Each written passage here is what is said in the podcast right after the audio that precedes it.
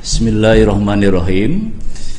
Assalamualaikum warahmatullahi wabarakatuh. Alhamdulillah alladhi yakulu fi kitabihil azim A'udhu billahi minasyaitonir rajim. Laqad kana lakum fi rasulillahi uswatun hasanah Liman kana yarjullaha wal yawmal akhir wa zakarallaha kasira Walhamdulillahilladzi ij'alna min ummati Muhammad sallallahu alaihi wasallam. Allahumma arzuqna mahabbatan li habibika Muhammad sallallahu alaihi wasallam. Allahumma Unsurna yaumal qiyamati min zumrati ummati Muhammad sallallahu alaihi wasallam wa tahta liwaih Allahumma salli wa sallim ala nabina Muhammadin sallallahu alaihi wasallam wa ala alihi wa ashabihi ajmain. Amma ba'du ayol hadirun pemirsa Mentari TV yang dirahmati Allah subhanahu wa ta'ala. Dalam kesempatan sore hari yang penuh berkah ini mari kita senantiasa bersyukur kepada Allah.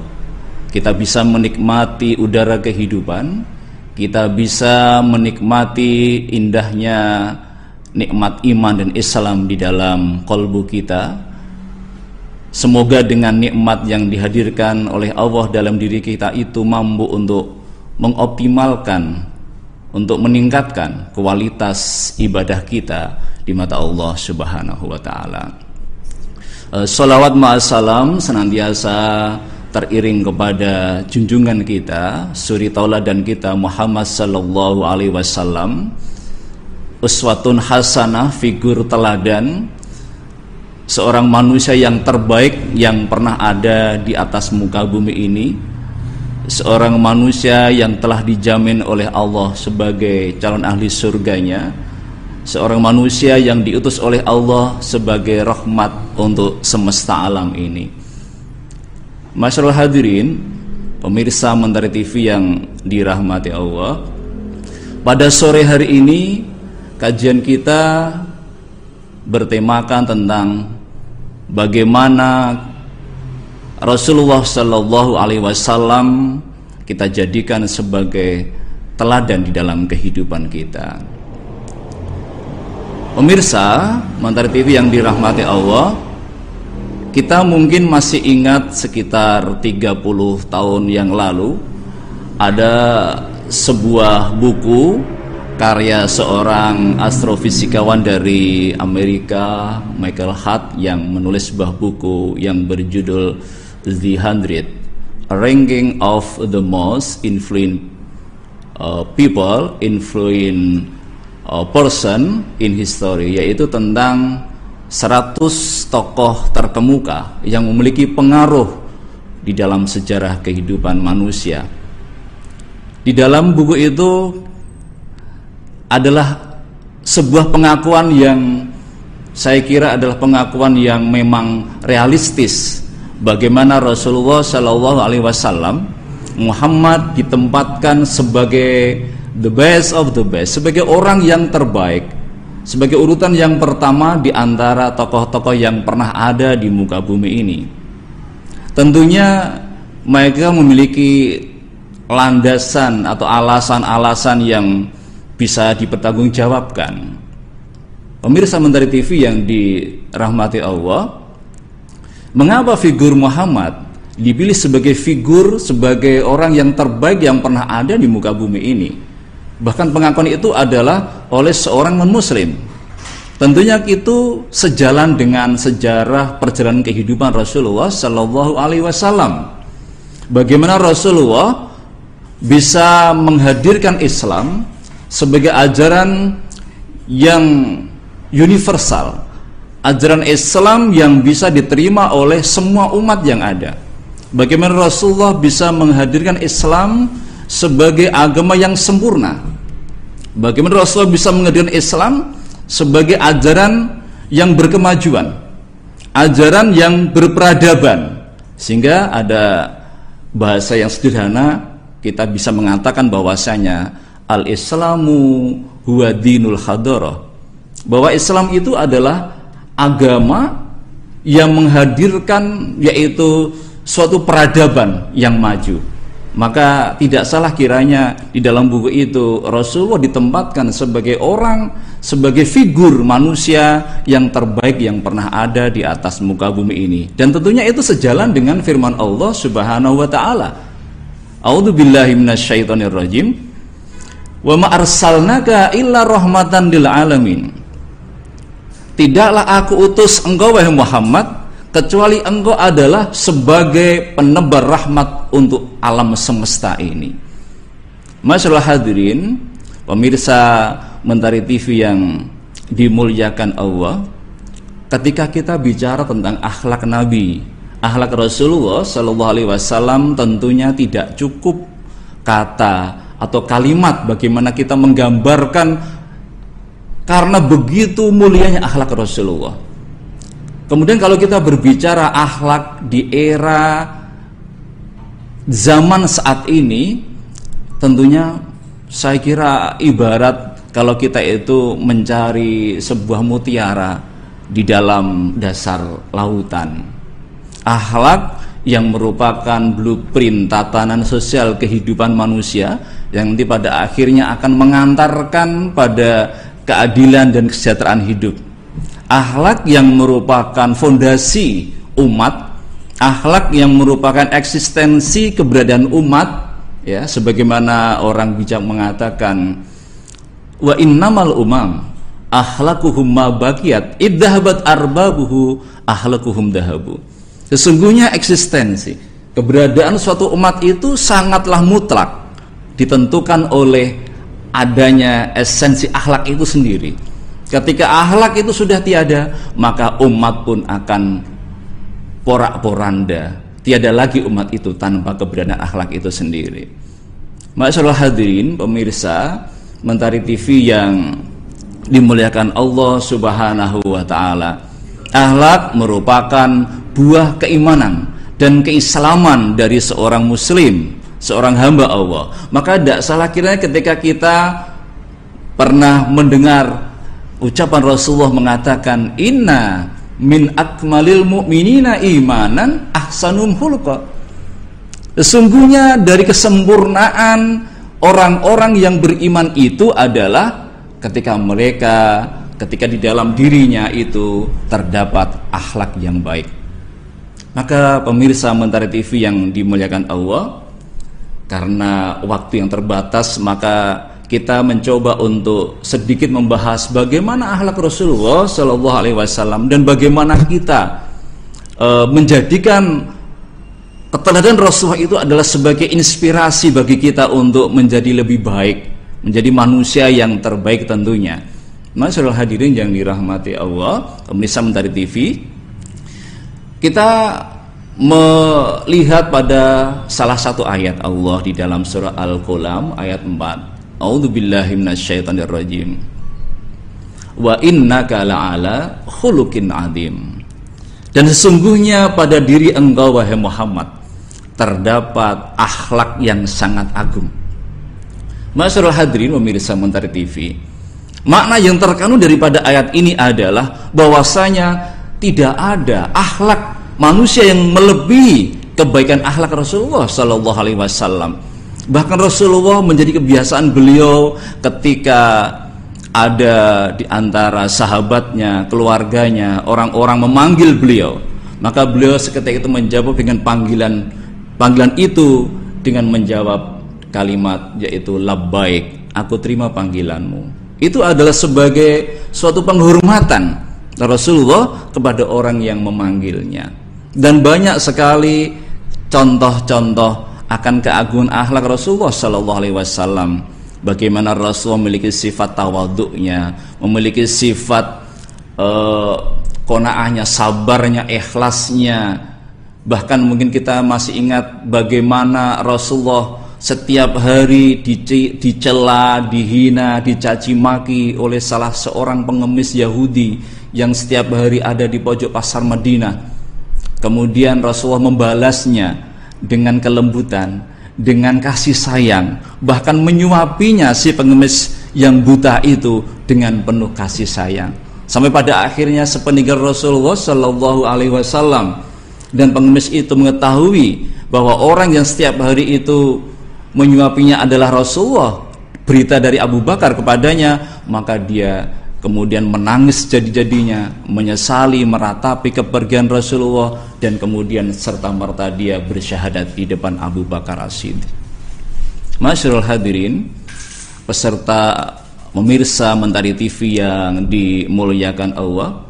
Kemudian yang kedua kita melihat bahwa Rasulullah Shallallahu Alaihi Wasallam adalah pribadi yang amat cinta, sangat cinta kepada umatnya. Kita bisa melihat salah satu firman Allah surat Taubah ayat 128. A'udzu billahi minasyaitonir rajim. Laqad ja'akum rasulun min anfusikum azizun alaihi ma anittum harisun alaikum bil mu'minina raufur rahim sungguh telah datang kepada engkau yaitu seorang utusan Allah dari kaummu azizun alaihi ma anittum dia akan merasa berat dengan penderitaan yang engkau rasakan. Harisun alaikum. Dan dia itu sangat mengharapkan adanya keimanan dan keislaman pada diri kalian. Wabil mu'minina raufur rahim. Dan Rasulullah itu sangat-sangat kasih dan sayang kepada uh, umatnya yang beriman. Pemirsa Mentari TV yang dimuliakan Allah maka tidak heran kiranya ketika kita menyaksikan di akhir hayat beliau sebutan-sebutan yang sering beliau lafalkan tidaklah sebutan yang lain kecuali adalah sebutan ummati, ummati, ummati, umatku, umatku, dan umatku. Dan Rasulullah bahkan bertanya kepada Jibril suatu ketika, "Ya Jibril, bagaimana kondisi umatku sepeninggal aku nanti?" Maka Jibril menjawab, Sungguhnya Allah Subhanahu wa taala mengharamkan surga bagi siapa pun wahai Muhammad kecuali bagi umatmu. Masya Allah, Subhanallah. Pemirsa, Mentari TV yang dirahmati Allah, kemudian kita mencoba melihat pada sebuah hadis ya. Hadis berangkat dari istri Rasul Aisyah radhiyallahu anha ketika ada sebagian sahabat yang bertanya kepada beliau bagaimana akhlak Nabi? Wahai Aisyah. Maka Aisyah dengan spontan menjawab wakana khuluquhul Quran. Sesungguhnya akhlak Rasulullah Shallallahu Alaihi Wasallam itu adalah Al Quran itu sendiri. Maka kita bisa mengambil sebuah kesimpulan bahwasanya Rasulullah lah sebagai satu-satunya manusia yang merefleksikan kandungan-kandungan yang ada di dalam kalamullah secara sempurna tidak tertinggal sedikit pun dari ayat-ayat Allah sudah direalisasikan di dalam kehidupan Rasulullah Sallallahu Alaihi Wasallam. Maka mari kita coba salah satu kisah yang mungkin bisa menjadi inspirasi bagi kita. Kisah tentang cinta Rasulullah kepada salah seorang sahabatnya yang bernama Zahir dan sebaliknya antara dua hamba Allah ini saling mencintai. Pemirsa Mentari TV yang dimuliakan Allah, sahabat Zahir bin Haram adalah seorang badui yang miskin. Profesinya adalah so, sebagai seorang pedagang yang setiap hari dia datang ke kota Madinah dan setiap hari pula beliau selalu mampir ke rumah Rasulullah Shallallahu Alaihi Wasallam tidak beliau lakukan kecuali itu adalah sebagai wujud cinta Zahir kepada Nabi Shallallahu Alaihi Wasallam. Dan ketika Zahir mendatangi Rasulullah, maka tidak pernah dia itu meninggalkan sedikit pun, yaitu selalu memberikan hadiah untuk Rasulullah. Tentunya hadiahnya amat sederhana karena Zahir itu adalah orang yang miskin, sehingga hadiahnya cukup ya minyak al-misk, gitu ya. Pemirsa Menteri TV yang dirahmati Allah, pada suatu hari ketika seperti biasanya Zahir ingin berkunjung ke rumah Nabi, ternyata Nabi tidak didapatinya di rumah. Maka kemudian Zahir melanjutkan perjalanan menuju pasar, kemudian menata dagangannya seperti hari-hari yang sebelumnya. Kemudian ketika Rasulullah pulang ke rumah dan bertemu dengan istrinya, maka istrinya bercerita kepada Rasulullah, "Wahai Nabi, baru saja Zahir datang ke sini mencari Anda. Maka Rasulullah mendengar ungkapan dari istrinya seperti itu. Kan Rasulullah itu biasa dengan para sahabat itu perhatiannya luar biasa. Ya. Cintanya luar biasa, tawaduknya pada sahabat luar biasa. Dan bahkan kebiasaan Rasulullah itu di dalam sebuah riwayat ceritakan ida da'ahul miskin ajabahu ijabatan muajalah. Jadi kalau Rasulullah itu ada orang miskin yang memanggil beliau, maka beliau itu segera menjawab dengan jawaban yang segera. Artinya tidak ditunda-tunda. Nah itu. Maka seketika itu pula Rasulullah langsung bergegas menuju ke pasar mencari keberadaan Zahir tadi. Maka terlihatlah oleh Rasulullah Zahir ada di pasar itu kemudian Rasulullah jalan pelan-pelan setelah dekat dengan Zahir Rasulullah kemudian memeluknya erat-erat sambil berkata kepada orang-orang di sekeliling Zahir itu "Waman yashtari hadzal 'abd?" Siapa di antara kalian yang mau membeli budak ini?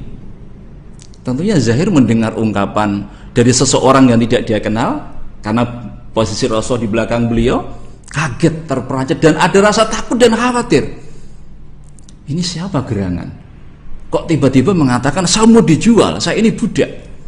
Tapi kemudian pada sisi yang lain, Zahir juga heran. Dia melihat orang ada di sekelilingnya itu, mereka tersenyum, tertawa, kayak ada yang janggal itu.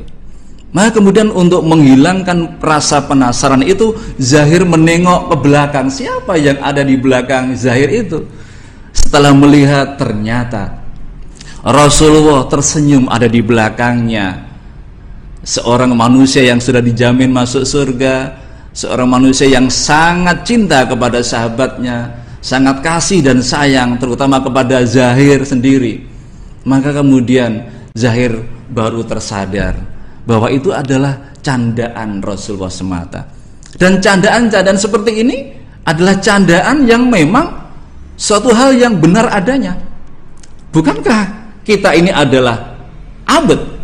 Setiap manusia kan abad, budak. Budak siapa? Abdullah, budak Allah, hamba Allah. Maka Rasulullah benar mengatakan bahwa si Zahir ini adalah abad. Nah, berlanjut pada kisah tadi, kemudian Zahir menjawab apa yang disampaikan Rasulullah wahai Rasulullah kalaulah misalnya ada orang yang membeli aku tentu hargaku itu amatlah murah karena aku ini orangnya kecil orangnya kurus kulitku hitam tenagaku pun tidak begitu kuat.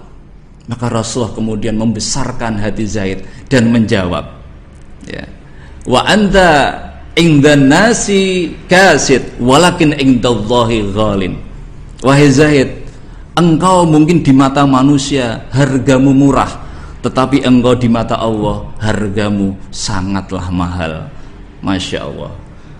Hadirin pemirsa Mentari TV ya dirahmati Allah kembali lagi kepada bagaimana akhlak Rasulullah Sallallahu Alaihi Wasallam bahwa Rasulullah itu adalah sebagai figur yang amat sangat sederhana dalam kesehariannya.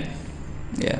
Bahkan saking sederhananya Rasulullah itu kemudian menjadikan sahabat Amirul Mukminin Umar ibnul Khattab sangat terharu bahkan menangis di depan Rasulullah ketika Umar memasuki kamar Rasulullah dan mendapatkan bahwa alas tidur Rasulullah itu adalah hanya sebatas pelepah kurma saja. Dalam riwayat yang lain ada yang mengatakan kulit kemudian di dalam kulit itu diisi dengan saput. Ada yang mengatakan alas Rasulullah itu dari dedaunan dan sebagainya. Maka kemudian Umar ketika melihat Rasulullah begitu zuhudnya terhadap dunia, begitu sederhananya Muhammad, maka Umar Ibn Khattab mengatakan, "Wahai Rasulullah, Anda ini adalah seorang pemimpin. Apakah anda tidak berhak untuk memakai permadani. Maka apa jawaban Rasulullah? Ma bi dunya Umar. Ma bi dunya Umar. Apalah artinya diri, diriku ini wahai Umar dibandingkan dengan kehidupan dunia. Kehidupan dunia itu ibarat adalah kita ini adalah seorang musafir. Seorang musafir yang ada di dalam sebuah perjalanan ketika panas menyengat, kemudian kita berhenti dan berteduh di bawah rindangnya pohon, kemudian kita melanjutkan perjalanan. Innamal hayatu kal musafir. Idza al kharara istadalla tata syajarah fa'aroha wartahala. Pemirsa Mentari TV yang dirahmati Allah Subhanahu wa taala. Kemudian selanjutnya pribadi Rasulullah yang sangat luar biasa yang menjadi inspirasi bagi kita semuanya adalah bagaimana Rasulullah adalah sebagai hamba Allah yang sudah terjamin mendapatkan bagian kapling surga, dijamin Allah masuk surga. Ya. Kemudian diampuni dosa-dosa yang akan datang dan yang telah lalu. Tetapi bagaimana keseharian Rasulullah di dalam beribadah kepada Allah? Ternyata tidak menyurutkan sedikit pun ruh ibadah, ghirah ibadah, motivasi Rasul di dalam beribadah kepada Allah. Sehingga ada di dalam riwayat hadis baik itu dari Mughirah bin Syu'bah ataupun dari Aisyah mengatakan idza shalla Rasulullah sallallahu alaihi wasallam qoma fatarat rijlahu Rasulullah sallallahu alaihi wasallam ketika beliau itu mendirikan solatnya maka kemudian kakinya itu sampai bengkak. Ini adalah sholat malam maksudnya. Ya. Kemudian Aisyah saking heran dan terperanjat mengatakan atas nau hada ya Rasulullah? Mengapa engkau berbuat seperti ini ya Rasulullah? Laqad ghafara ghafarallahu dunubaka ma taqaddam wa ta'akhir sebenarnya Allah itu sudah mengampuni dosa-dosamu baik yang telah lalu maupun yang akan datang. Maka jawaban sederhana Rasulullah, jawabannya amat bijak menanggapi pertanyaan Aisyah itu Rasulullah mengucapkan afala akunu abdan syakura. Apakah tidak sepatutnya wa Aisyah aku ini menjadi hamba Allah yang pandai mensyukuri nikmat. Masyaallah hadirin pemirsa, Mentari TV yang dimuliakan Allah, maka Mari kita senantiasa senantiasa untuk ittiba kepada Rasulullah Sallallahu Alaihi Wasallam senantiasa menjadikan beliau sebagai figur di dalam kita berucap, di dalam kita beraktivitas apa pun, di dalam kita beribadah dan apa pun itu, tentunya kita merujuk kepada tuntunan yang telah dituntunkan oleh Rasulullah Sallallahu Alaihi Wasallam. Pemirsa, Mentari TV yang dimuliakan Allah tentunya akhlak yang dibangun oleh Rasulullah Sallallahu Alaihi Wasallam sehingga mampu menjadikan beliau itu adalah sebagai manusia yang terbaik yang pernah ada di muka bumi ini. Tentunya butuh perjuangan untuk kita sebagai umatnya supaya bisa kita itibak selalu kepada tuntunan Rasulullah Sallallahu Alaihi Wasallam. Apalagi di era sekarang ini dengan semakin langkanya keteladanan, semakin sulitnya kita mencari figur-figur orang yang bisa diteladani, maka tentunya itu berangkat kembali kepada diri kita masing-masing. Ibda binafsika. Kita harus mulai dari diri kita sendiri. Maka insya Allah dengan adanya iradah, adanya ghera, ada adanya irodah yang kuat dalam diri kita insya Allah itu akan mengantarkan kita betul-betul nantinya menjadi orang-orang yang mendapatkan cintanya Rasulullah selama kita senantiasa menjadikan beliau itu adalah sebagai figur uswah hasanah. Karena uswah hasanah itu adalah keseluruhan kehidupan Rasulullah itulah yang kita jadikan sebagai teladan dalam kehidupan kita. Maka tidak salah kiranya ketika Allah Subhanahu wa taala mengatakan Qul in kuntum tuhibbunallah fattabi'ni yuhibbukumullah. Katakanlah Muhammad in kuntum tuhibbunallah sebenarnya kalau engkau cinta kepada Allah fattabi'uni maka hendaklah engkau ikut kepada Muhammad mengikuti tuntunan Rasulullah Sallallahu Alaihi Wasallam, maka insya Allah Allah akan memberikan cinta kepada kita semuanya. Masalah hadirin jamaah, pemirsa Mentari TV yang dimuliakan Allah, saya kira memang di saat-saat seperti ini keteladanan itu menjadi sesuatu yang sifatnya harus mutlak untuk kita realisasikan dalam diri kita pertama di dalam keluarga kita tentunya dan kemudian melebar di tengah-tengah masyarakat dan kemudian uh, di seluruh di kawasan apa pun kita berada maka harus menampilkan diri kita adalah sebagai pribadi yang penuh dengan keteladanan. Maka mari kita segera memanfaatkan kesempatan ini kesempatan hidup yang amat singkat ini. Bagaimanapun kita maka maksimalkan optimalkan kehidupan kita ini untuk senantiasa menjadikan diri kita sebagai ahsanuhum linnas, manusia yang bermanfaat, yang memberikan keteladanan untuk orang lain dan yang paling penting adalah teladan untuk dirinya sendiri. Yang terakhir, perlu kami sampaikan pesan orang bijak bahwasanya waktu itu sekali datang maka dia tidak akan terulang. Maka marilah kita manfaatkan waktu yang berharga ini. Maka orang bijak mengatakan badiril fursah segera optimalkan kesempatan yang telah Allah anugerahkan kepada kita semuanya. Wahdar fautaha. Jangan engkau menunggu waktu itu lewat dari diri kalian. Fabulugil izi fi nailil Sungguhnya orang itu akan mencapai kemuliaan.